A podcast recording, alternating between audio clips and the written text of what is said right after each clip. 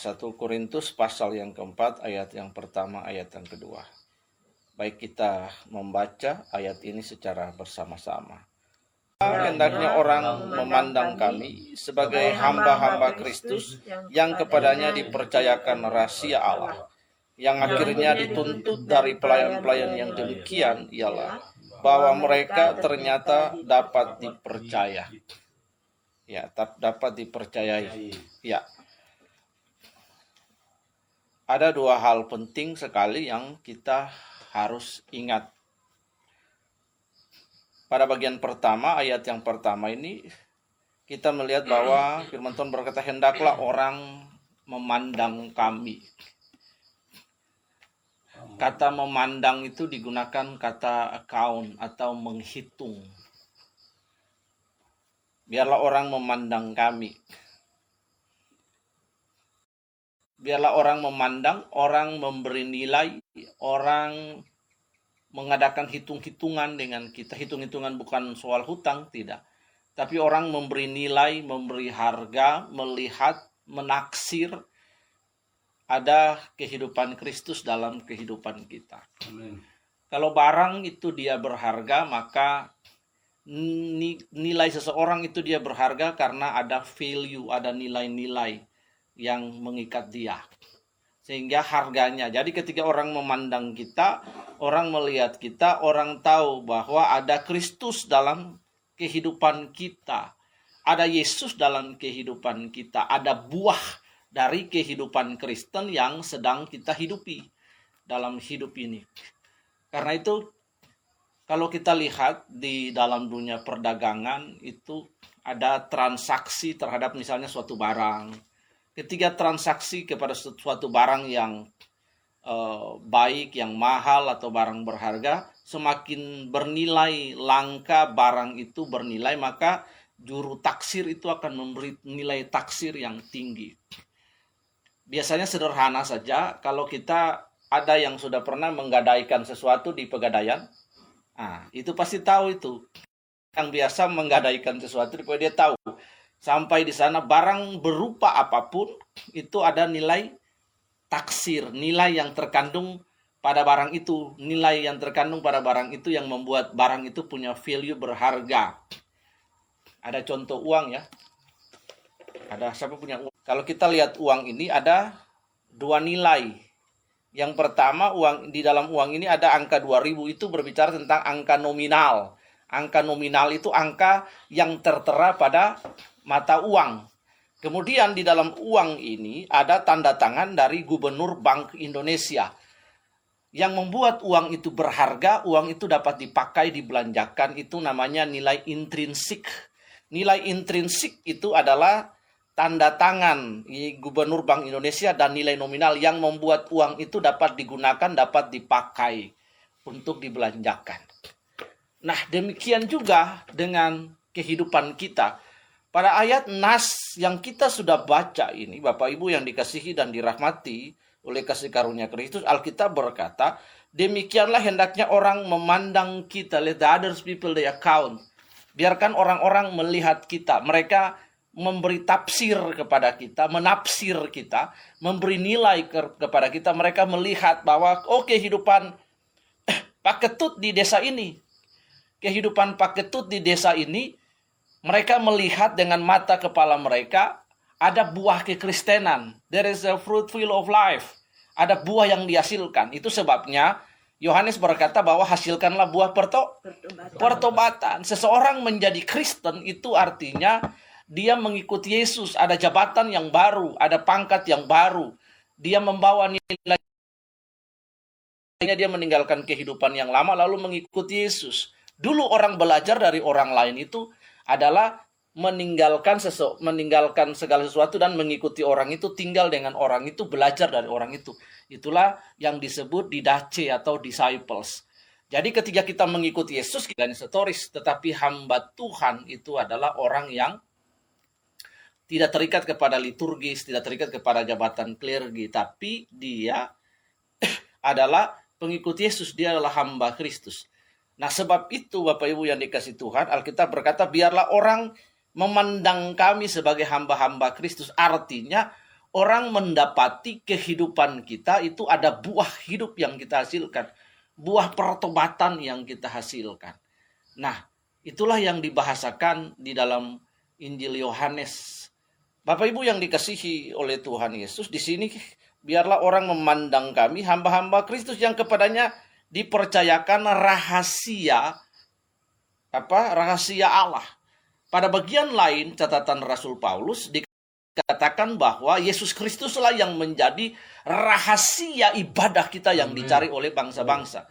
Jadi the great secret of the Christianity itu sebenarnya atau rahasia yang besar dari ibadah Kristen itu terletak kepada figur Yesus. Kristus itu sebenarnya tidak ada hal yang lain di dalam ibadah yang luar biasa selain figur daripada Kristus Yesus.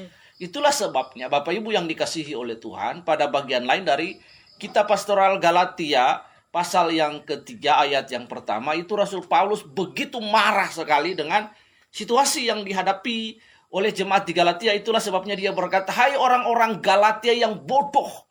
Itu marah sekali kalimatnya. Oh dia marah sekali.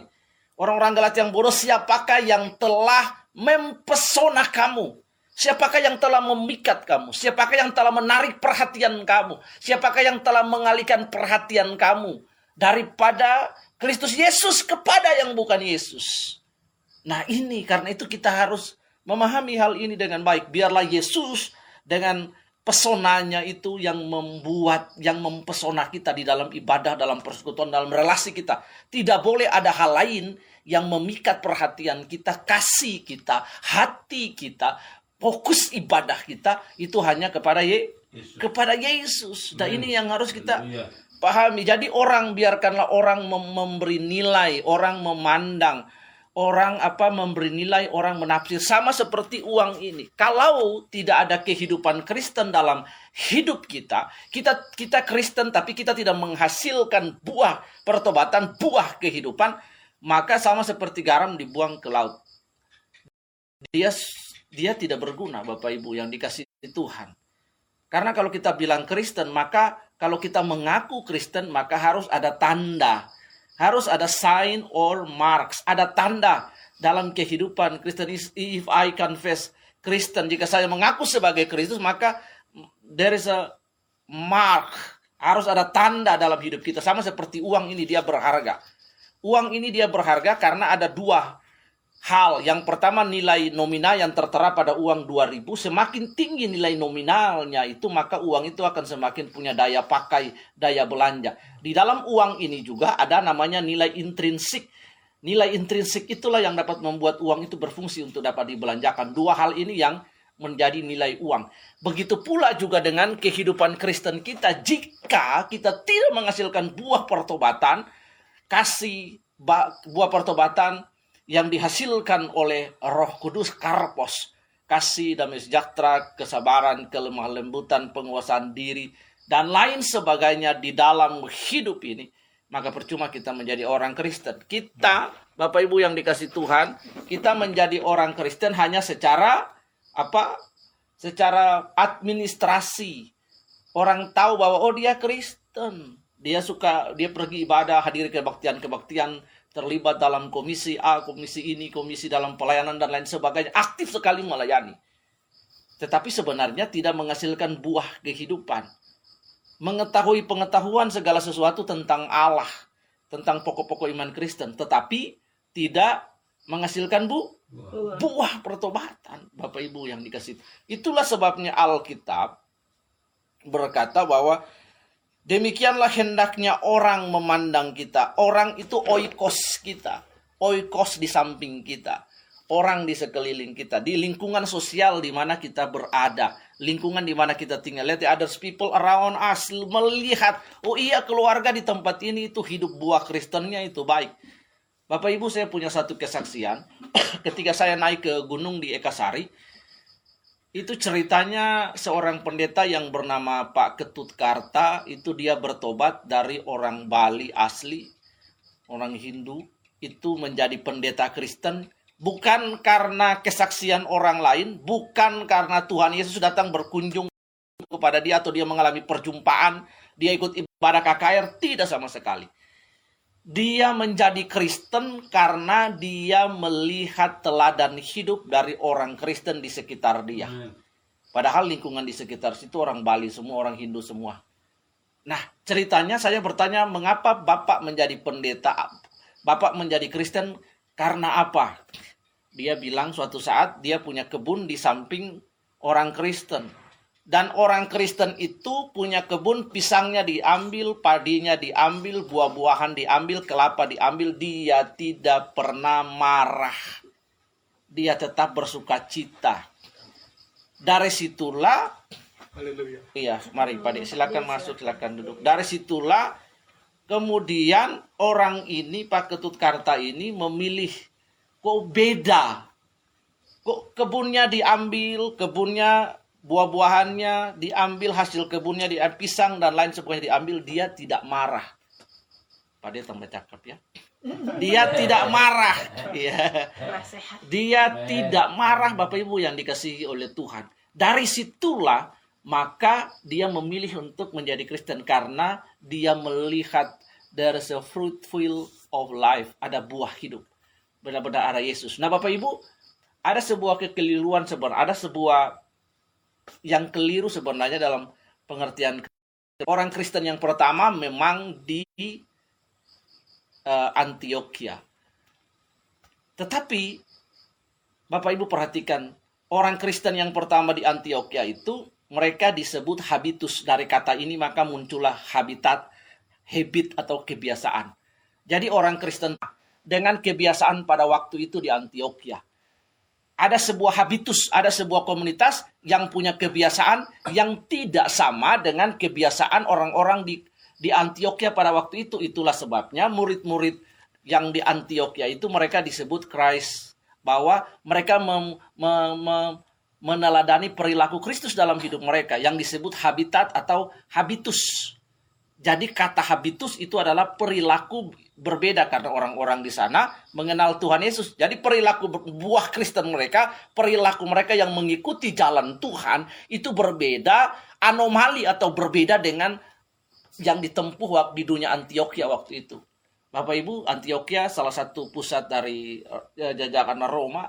Di situ kita dapat melihat uh, paganisme, penyembahan berhala dan lain sebagainya yang terjadi. Tapi orang-orang Kristen yang pertama yang percaya kepada Yesus mereka menunjukkan buah kehidupan yang berbeda. Itulah Bapak Ibu sebabnya saya sama sekali tidak tertarik dengan saya mempercayai karunia roh, karunia-karunia roh dan lain sebagainya. Banyak orang di mimbar bisa tipu orang.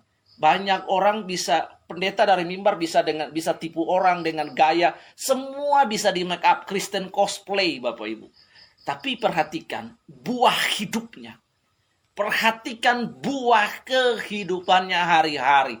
Orang bisa bergaya depan mimbar, dia bisa beli jas kemeja yang bagus, dia bisa berlatih berbicara yang bagus, bisa berbicara, dia bisa berlatih khotbah, ada ilmu berkhotbah, ilmu untuk juga mempengaruhi orang dengan kata-kata yang saya tahu yang namanya speech mountain. Dia bisa mempengaruhi orang.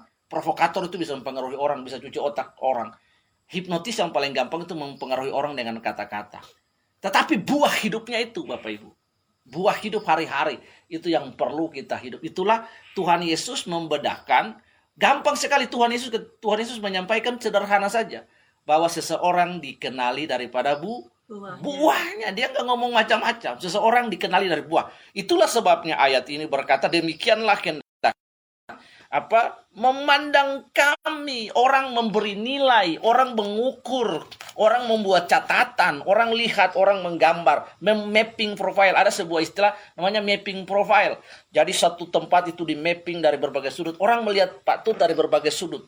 Dilihat lalu ditimbang lalu harapannya kepada Yesus yang menaruh imannya kepada Kristus Bapak Ibu yang dikasih oleh Tuhan. Yang kedua yang akhirnya dituntut dari pelayan-pelayan yang demikian ialah bahwa mereka ternyata dapat dipercayai.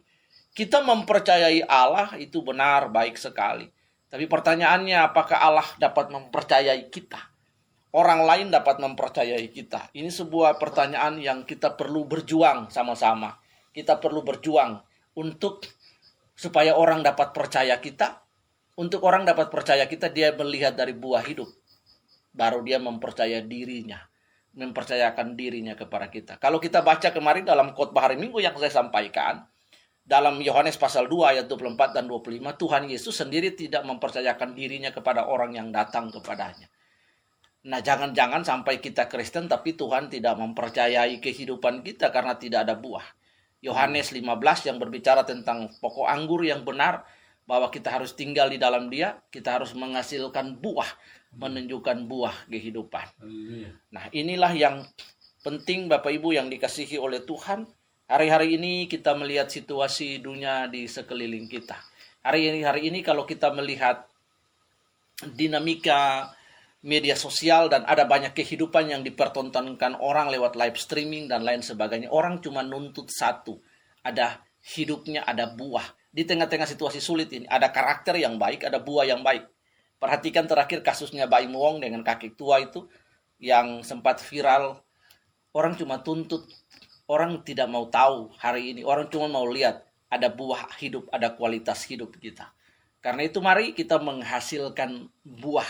Hmm. Kalau kita bertobat, maka ada buah pertobatan. Ada buah kehidupan yang dihasilkan. Itulah yang Tuhan tuntut dari kehidupan Kristen kita. Bapak Ibu, baik Bapak Ibu yang dikasihi oleh Tuhan, biarlah renungan singkat hari ini yang sudah juga dikotbahkan minggu kemarin biarlah dapat menolong kita untuk terus menjadi orang Kristen di lingkungan kita. Orang tidak peduli dengan kata-kata kita dan pengetahuan kita. Jadilah teladan di kantor, di tempat kerja, di mana pun. Kalau jam kantor masuknya jam 9, maka datanglah jam 8.40 dulu atau 8.15 8, 8.50 10 menit sebelum masuk kantor orang akan melihat Orang tidak perlu kita punya kata-kata, orang perlu hasilkan buah. Ya. Kalau di kantor kita lihat ada kotoran, kita ambil, kita punya inisiatif. Di kantor ada kesempatan untuk kita korupsi, kita tilap uang. Tapi kita memilih tidak silap itu adalah buah kehidupan. Ya. Karena itu dengan menghasilkan buah kehidupan yang baik, nurani hati nurani kita diasah. Kita hidup di tengah-tengah situasi dunia yang nilainya kita menjadi anomali. Bapak Ibu anomali, anomali sekali dengan dunia. Tapi saya mau kasih tahu bahwa pendapat mayoritas itu kebenaran tidak ditentukan dari mayoritas pendapat mayoritas. Itu kita harus pegang itu. Opini publik itu tidak bisa menentukan sebuah kebenaran. Artinya kebenaran kebenaran harus ditentukan opini publik. Hari ini kalau banyak orang semen leven, banyak orang kumpul kebo, banyak orang bersinah, lalu kita menganggap bahwa itu sebuah kebenaran umum. Oh, itu diterima oleh umum. Acceptance by public diterima oleh publik dan publik opini publik tidak mempersoalkan. Itu hal itu sudah biasa. Bagi kekristenan hal itu tidak biasa bapak ibu. Orang sudah begini orang sudah begini. Hari ini kontras sekali. Bahkan even by Christians bapak ibu oleh orang Kristen ada nilai-nilai yang dikompromikan begitu banyak orang mengkompromikan nilai Kristen jadi kehidupan Kristen itu sebenarnya kehidupan yang sungsang sebenarnya kehidupan yang anomali yang berbeda Bapak Ibu perhatikan contoh Daniel, Sadrak, Mesak, dan Obednego. Kalau kita baca cerita itu, nanti saya bikin pelajarannya. Itu semua proses cuci otak, indoktrinasi, doktrin Bapak Ibu. Jadi proses cuci otak, proses cuci otak itu dimulai dengan makanannya dirubah. Makanan orang Israel itu kan halal. E, kalau dalam bahasa Ibrani bilangnya kosher. Ada aturan dalam makan. Jadi makanannya dirubah supaya dia makan halal. Hari ini Yesus Kristus sudah mati, kita boleh makan apa pun. Iya, dengan iman di dalam nama Kristus. Lalu bahasanya diganti dari bahasa Aram, bahasa Ibrani, dirubah ke bahasa Asyur dan lain sebagainya. Cara berpakaian mereka, cara beribadah mereka. Nah hari ini dengan media massa, opini publik menggiring banyak orang Kristen untuk mulai kompromi dengan nilai-nilai yang ada di sekeliling dia. Karena itu Bapak Ibu yang dirahmati dan dikasih Tuhan dalam ibadah rumah tangga malam hari ini, kita harus menjadi berbeda di lingkungan kita. Oh, orang di lingkungan sini yang hanya Kristen berapa kakak, mereka harus tahu bahwa there is a Christ in your life. Ada Yesus dalam hidupmu, ada kasih dalam hidupmu. Seperti cerita yang kesaksian hidup yang tadi saya sampaikan, pendeta itu dia bertobat bukan karena Tuhan Yesus datang mengunjungi dia. Bukan karena dia ikut KKR, bukan kata bukan karena ketemu Tuhan langsung, tapi bagaimana dia melihat peragaan hidup Kristen. Ketiga, buah-buahannya dicuri, sawahnya dicuri dan lain sebagainya. Dia hanya tersenyum dan bersuka cita. Dan itu membuat pendeta, orang itu yang sebelumnya tidak mengenal Yesus bertobat. Nah, di tengah-tengah situasi orang tidak tidak tidak people they didn't care dengan kita punya kata-kata, tapi mereka perlu tindakan kita, Bapak Ibu. Karena itu di lingkungan di tempat ini di dusun Bilupo, desa Tegal Cangkring di tempat ini Bapak Ibu yang dikasih karunia Kristus. Biarlah kita terus menjadi berkat. Ada bau keharuman Kristus di tempat ini. Orang dikenal lewat sikap kita, hati kita, pergaulan sosial kita, relasi sosial kita dengan orang lain itu dapat menjadi berkat sehingga orang melihat, orang memberi nilai bahwa oh benar dia hamba Tuhan, oh benar ada Yesus dalam hidupnya. Seperti itu. Lalu kemudian orang dapat mempercayakan rahasia hidupnya kepada kita. Bapak Ibu, orang mencari rahasia ibadah Kristen. Rahasia ibadah Kristen terletak kepada figur Tuhan Yesus yang mempesona hidup Amen. kita, yang menolong kita, oh. yang menyelamatkan kita dalam berbagai-bagai kesulitan dan pergumulan hidup yang kita hadapi. Amen. Baik Bapak Ibu, mari tunduk kepala dan kita berdoa. Allah Bapa di surga yang kami sembah melalui Tuhan Yesus Kristus. Kami bersyukur untuk persekutuan oh. ibadah rumah tangga di keluarga Pak Ketut Nerden di Dusun Bilupo, Desa Tegal Cangkring. Oh. Tuhan terima kasih kami menikmati udara alam yang mendung di desa. Terima kasih Tuhan buat hari ini tidak hujan sehingga jalan menjadi baik kami bisa naik ke oh. tempat ini. Terima kasih buat Pak Gede juga yang ada bersama-sama dengan kami. Kami mengucap syukur untuk ibadah ini. Kami percaya di mana dua dan tiga orang beryesus dalam hidupnya bahwa dia orang Kristen yang benar. Terima kasih Tuhan.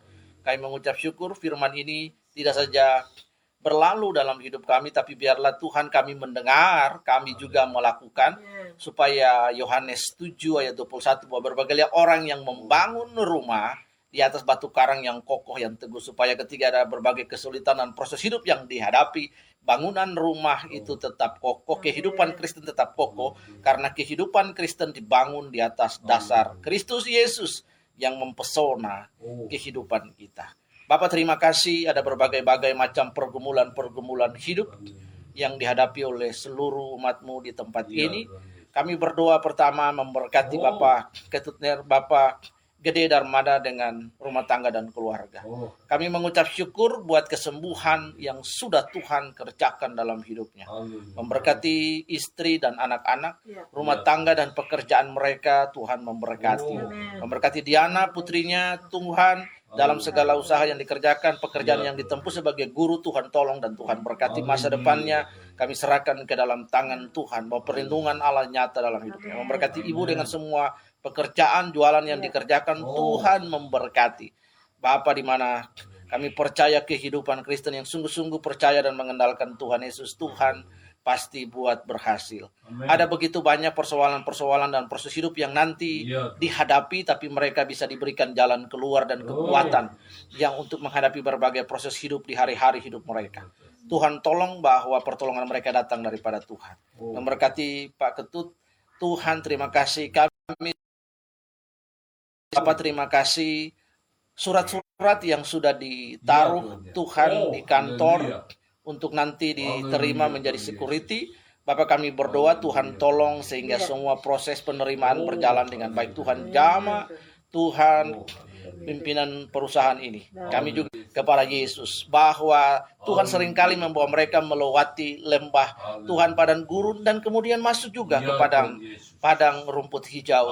Terima kasih sebagai gembala yang baik Tuhan menolong mereka. Bahwa pertolongan mereka datang dari Tuhan yang menjadikan langit Tuhan sehingga mereka dapat mengatasi kesulitan hidup dengan hikmat dan pertolongan daripada Tuhan. Roh Kudus tolong mereka. Kami berdoa buat Tuhan rencana pernikahan nanti pada ya, bulan Mei tahun depan tanggal 20. Oh, Kami berdoa Tuhan menyiapkan segala proses dengan baik Tuhan. Semua kedua calon mempelai Tuhan siapkan. Semua biaya administrasi dan lain lancar Tuhan. Dan kami berdoa semua darah disiapkan Tuhan. Tolong pada hari H. Pembinaan-pembinaan dan pastoral konseling Tuhan tolong. Kami juga berdoa memberkati Erik. Tuhan terima kasih sudah melayani sebagai staf di gereja, di, di yayasan Tuhan tolong dan Tuhan berkati seluruh hidupnya. Pengabdiannya Tuhan perhitungkan itu Tuhan. Terima kasih kami oh. berdoa hatinya untuk melayani. Kami percaya Tuhan berkat Tuhan Oh. tersedia bagi orang laki-laki yang takut akan Tuhan. Berkati istrinya, kami berdoa supaya kandungannya terbuka dan Tuhan dapat memberikan Tuhan bayi kepada mereka, putra, anak kepada mereka. Oh, Pada waktu dan tempat kami berdoa kehendak Tuhan yang jadi Oh, dalam hidup mereka. Cukupkan segala kebutuhan mereka, berkati apa pun yang dikerjakan Tuhan. Terima kasih. Berkati Tuhan, hamba dan istri yang Iya. sudah hadir di tempat ini sebagai hamba Tuhan. Haleluya. Menolong kami tetap Amin. setia dalam pelayanan-pelayanan. Tuhan tetap amin. cinta dengan semua orang, mengasihi Oh. semua orang tanpa syarat. Roh Kudus tolong kami Tuhan, jaga hidup kami supaya kami terus berlaku kudus dalam pelayanan yang sudah Tuhan Oh. percayakan dalam hidup kami. Mohon pertolongan dan rahmat Tuhan yang Amin. hadir